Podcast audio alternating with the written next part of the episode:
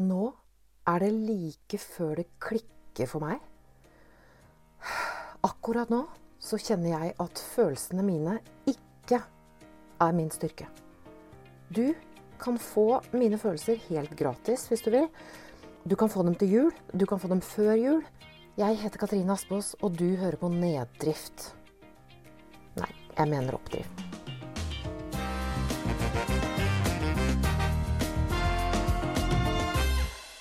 Hvordan har du det der ute? Hva er det du kan trenge for tiden? Jeg spør fordi jeg vet akkurat hva jeg trenger nå. Her jeg sitter og nesten klikker. Jeg trenger trøst. Jeg trenger god, gammeldags trøst. Jeg trenger en som sier at åh, det kommer til å gå bra. Vi sitter her trygt, i ro og fred. Og så kommer det til å bli bra. Og jeg veit jo at jeg er innmari flink til å projisere mine egne behov og følelser på andre. Så jeg tror jo da at vi alle kan trenge trøst. Jeg tror at verden kan trenge litt trøst. Jeg, altså jeg går og tror at verden ville blitt et vennligere sted dersom vi eh, mennesker trøsta mer og kritiserte mindre. og jeg er jo veldig eh, nysgjerrig på hva som skjer med deg, og om du hva du trenger. Allerede her går min indre gnom amok bare ved å høre ordet eller den setningen 'Jeg trenger trøst'. Trøst! fnyser den indre gnomen, altså den stemmen som holder meg trygg, sånn at jeg ikke blir kastet ut av fellesskapet. Trøst! fnyser den gnomen. Du er et voksent menneske. Ta deg sammen! Trøst! Og jeg kan kjenne på Altså dersom jeg sier 'jeg har behov for trøst', så kan jeg kjenne at det er en sånn følelse i magen av Altså jeg blir litt sånn tørr i halsen. Og så kan jeg kjenne på en følelse av litt sånn skam. Altså som om det er noe gærent med meg. Som om det er svakt og ynkelig å uh, ha behov for trøst. Og siden min gnom har masse energi, så fortsetter han med Trenger du trøst, så gå ut og trøst noen andre. Aha. Og av og til så har denne gnomen noen gode råd, for det er jo et godt råd. Og derfor, i denne episoden, vil du få en god porsjon med trøst. Og du vil få litt av forskningen bak trøst. Og du vil få et lite trøsteverktøy. For her åpner vi én luke i Oppdrifts adventskalender. Og bare ved å snakke om det, så kjenner jo jeg allerede nå å dele denne her Ja, litt sånn skammen over å trenge trøst. Dele den med deg.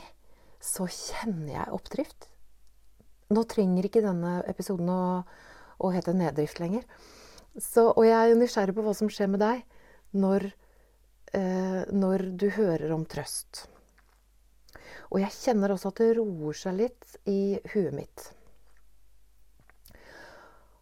Og da, mens du tenker litt på, eller sånn, kjenner etter hva trøst gjør med deg, så kan jeg bare fortelle historien om hvorfor jeg trenger trøst akkurat nå. For det er helt spesifikt. Jeg sitter og har det så vanvittig vondt. Altså rent en sånn rødglødende fysisk smerte i, uh, i det ene beinet, altså i, uh, i skinka. Og det starta på en tur i Nordmarka med en veldig kjær og veldig sprek venninne. Og det hadde snødd om natta. Eh, vi gikk ganske tidlig om morgenen. Jeg hadde lånt piggsko av denne kjære, spreke venninnen. Og jeg halsa etter henne. oppover den nedsnødde stien i ukjente, altså for meg ukjente piggsko. Og det gikk jo så fint helt til jeg snubla i ei rot og fikk bråstopp. Altså det vil si eh, underkroppen min stoppa, overkroppen stoppa ikke. Den fortsatte rett fram. Den er god, hadde godt sig. Og så kjente jeg altså at noe røyk i låret øverst. Jeg kjente at det, det smalt litt. Og jeg klappa sammen. Å, det gjorde så vondt. Jeg lå altså i snøen der. Og så sier da min spreke venninne det er hamstringen. Det kan hun fortelle meg, for hun kjenner det godt. Og så sier hun noe mer. Velkommen i hamstringklubben. og det gjorde så vondt. Men akkurat der og da, bare min venninnes inkludering da Det fins en egen klubb for oss som har revet over eller fått en rift i de store lårmusklene. Altså hamstring, skinkestrengen. Og det fellesskapet kjentes litt sånn lindrende akkurat der og da. Jeg er jo ikke helt aleine med denne uh, smerten min. Og kanskje, jeg vet ikke, det kan jo være du sitter der med en skinkestreng uh, i, akkurat nå. Men jeg kom meg i hvert fall ned fra marka. Og smerten er fortsatt helt vill. Dette er nå halvannen uke siden. Og det gjør så vondt uh, når jeg ligger ikke, Når jeg sitter, gjør det skikkelig vondt. Uh, og så er det noe så rart, og jeg er nysgjerrig på om du kan kjenne igjen det. Når noe gjør så vondt for meg, altså det er så ubeleilig, og hva skal jeg avlyse? Jeg driver for meg sjøl, jeg har ikke noe sykepenger. Og i en sånn situasjon så er gnomen, altså kritikeren, indre kritikeren, ekstra ivrig. Og sier sånne ting som 'det er typisk deg', 'ville for mye', 'sånn går det når du går for fort'. Altså, den blir verre og verre hvis jeg ikke stopper den. 'Nå er du blitt for gammal'. Husk på hva Frode Tuen og Peder Kjøs sier om damer over 50. Du har ikke markedsverdi lenger. Altså, og nå må jeg bare stoppe. Hva skal vi med indre kritikere når vi har Frode Tuen og Peder Kjøs, sier jeg bare. og det er jo Jeg vet jo ikke hvordan det er med deg når du har vondt, men min indre kritiker kan gå amok. Og det er ikke så rart. Altså Dersom det er sånn for deg, så er det ikke noe rart. Fordi at denne gnomens rolle, den er jo fem millioner år gammel.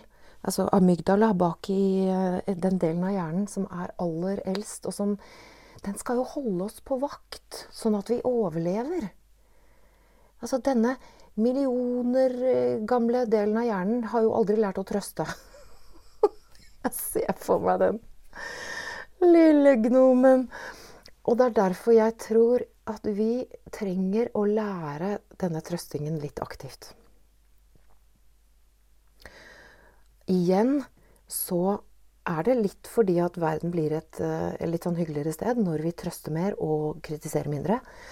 Men hvordan kan vi nærme oss det som er smertefullt, da? altså det som er, gjør vondt i livet? Om det er fysisk, eller om det er om vi liksom har vondt i, i, i, ensomheten, eller om du har vondt i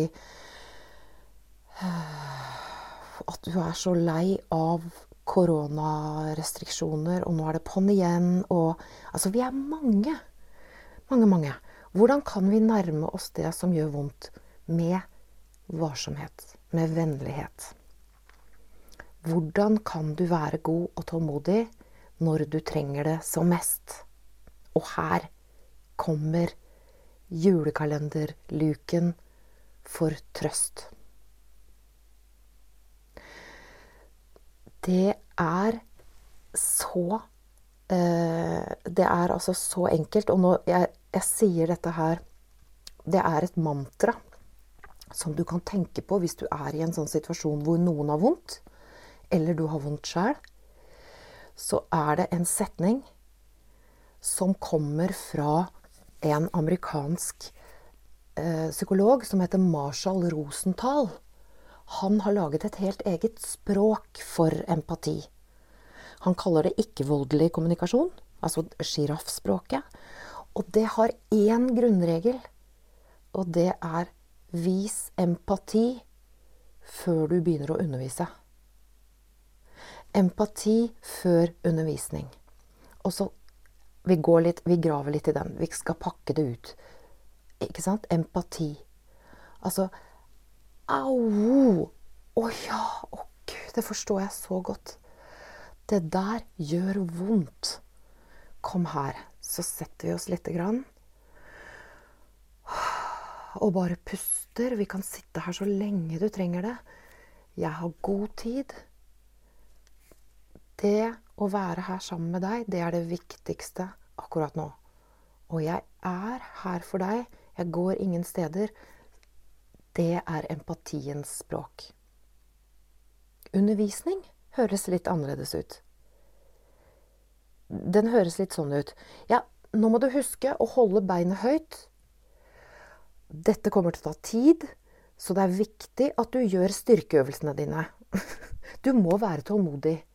Altså Denne velmente undervisningen, den høres litt mer ut som sånn formaninger. Og det er ikke det vi trenger når smerten er veldig, veldig vond. Eller dette, er, dette gjør vondt. Og i disse, den undervisningen så er det mye skal og du mør og du, du mør. Du skal, og du bør, og du må ting. Men når smerten er størst, så er trøst mye viktigere enn undervisning. For selve helingseffekten og den empati før undervisning, den gjelder ganske lenge. Altså, du kan gi så mye empati. Og vi har så god tid til empati. Og det er så vanskelig. det er så vanskelig fordi at Nå, nå veit jeg ikke åssen det er med deg, men jeg er opplært til effektivitet. Jeg er topptrent i å finne løsninger. Det skal være orden, vi skal ha raske resultater.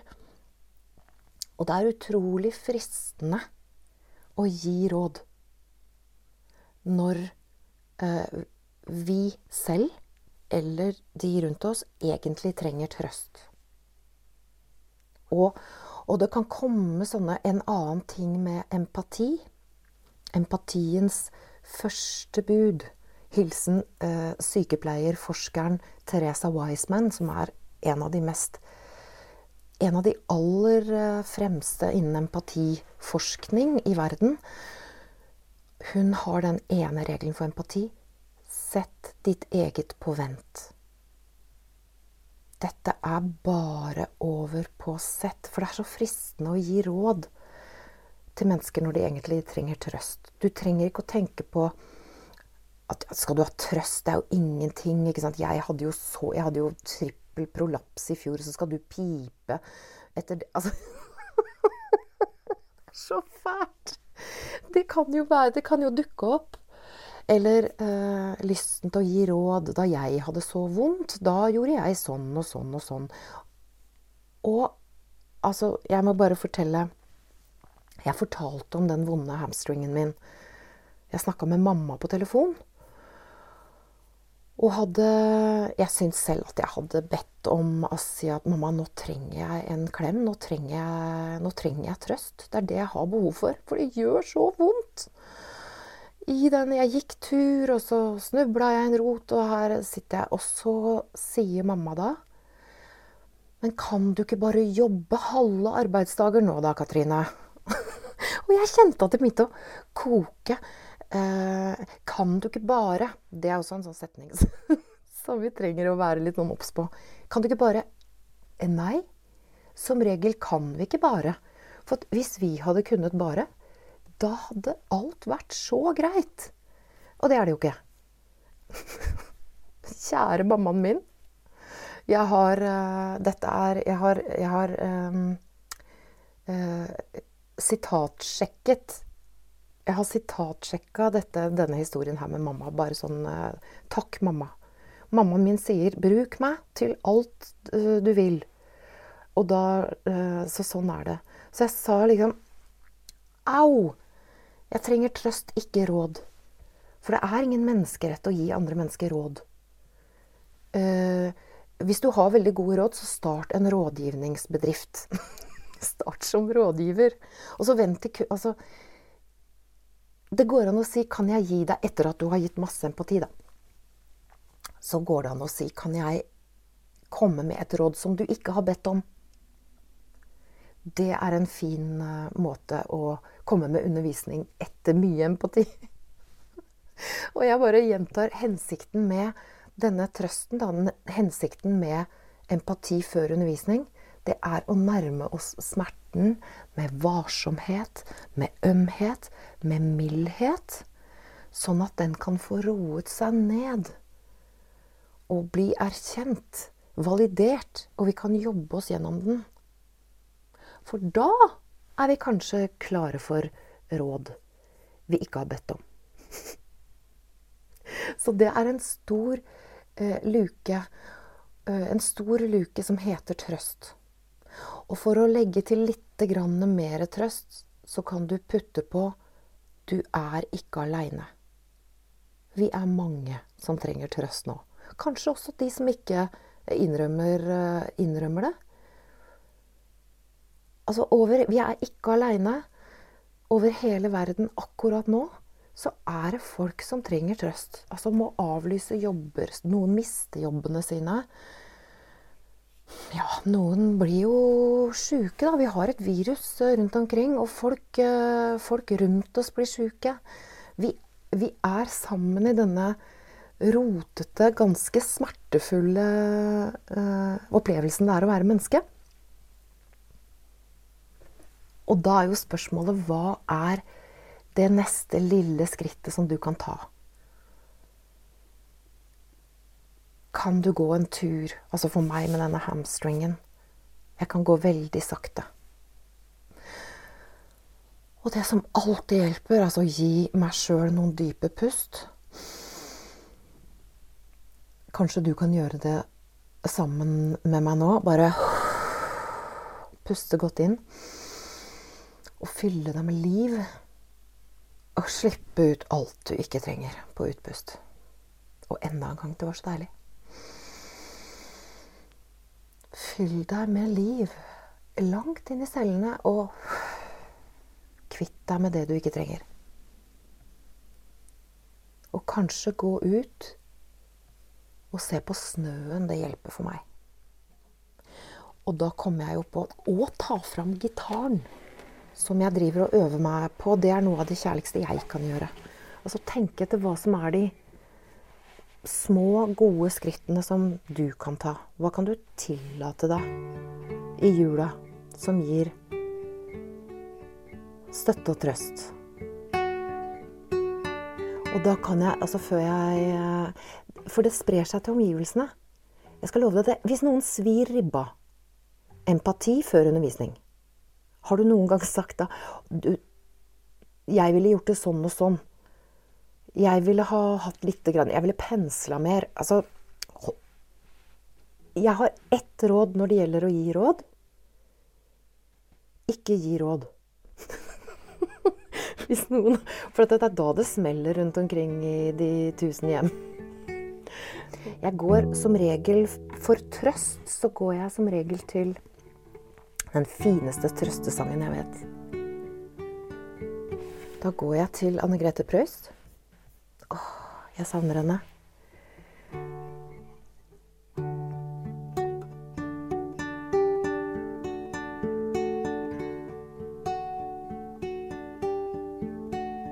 Det snør.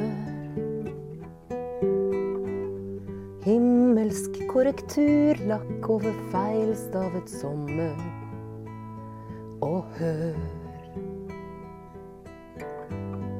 Bylarmen forsvinner under dalende flommer.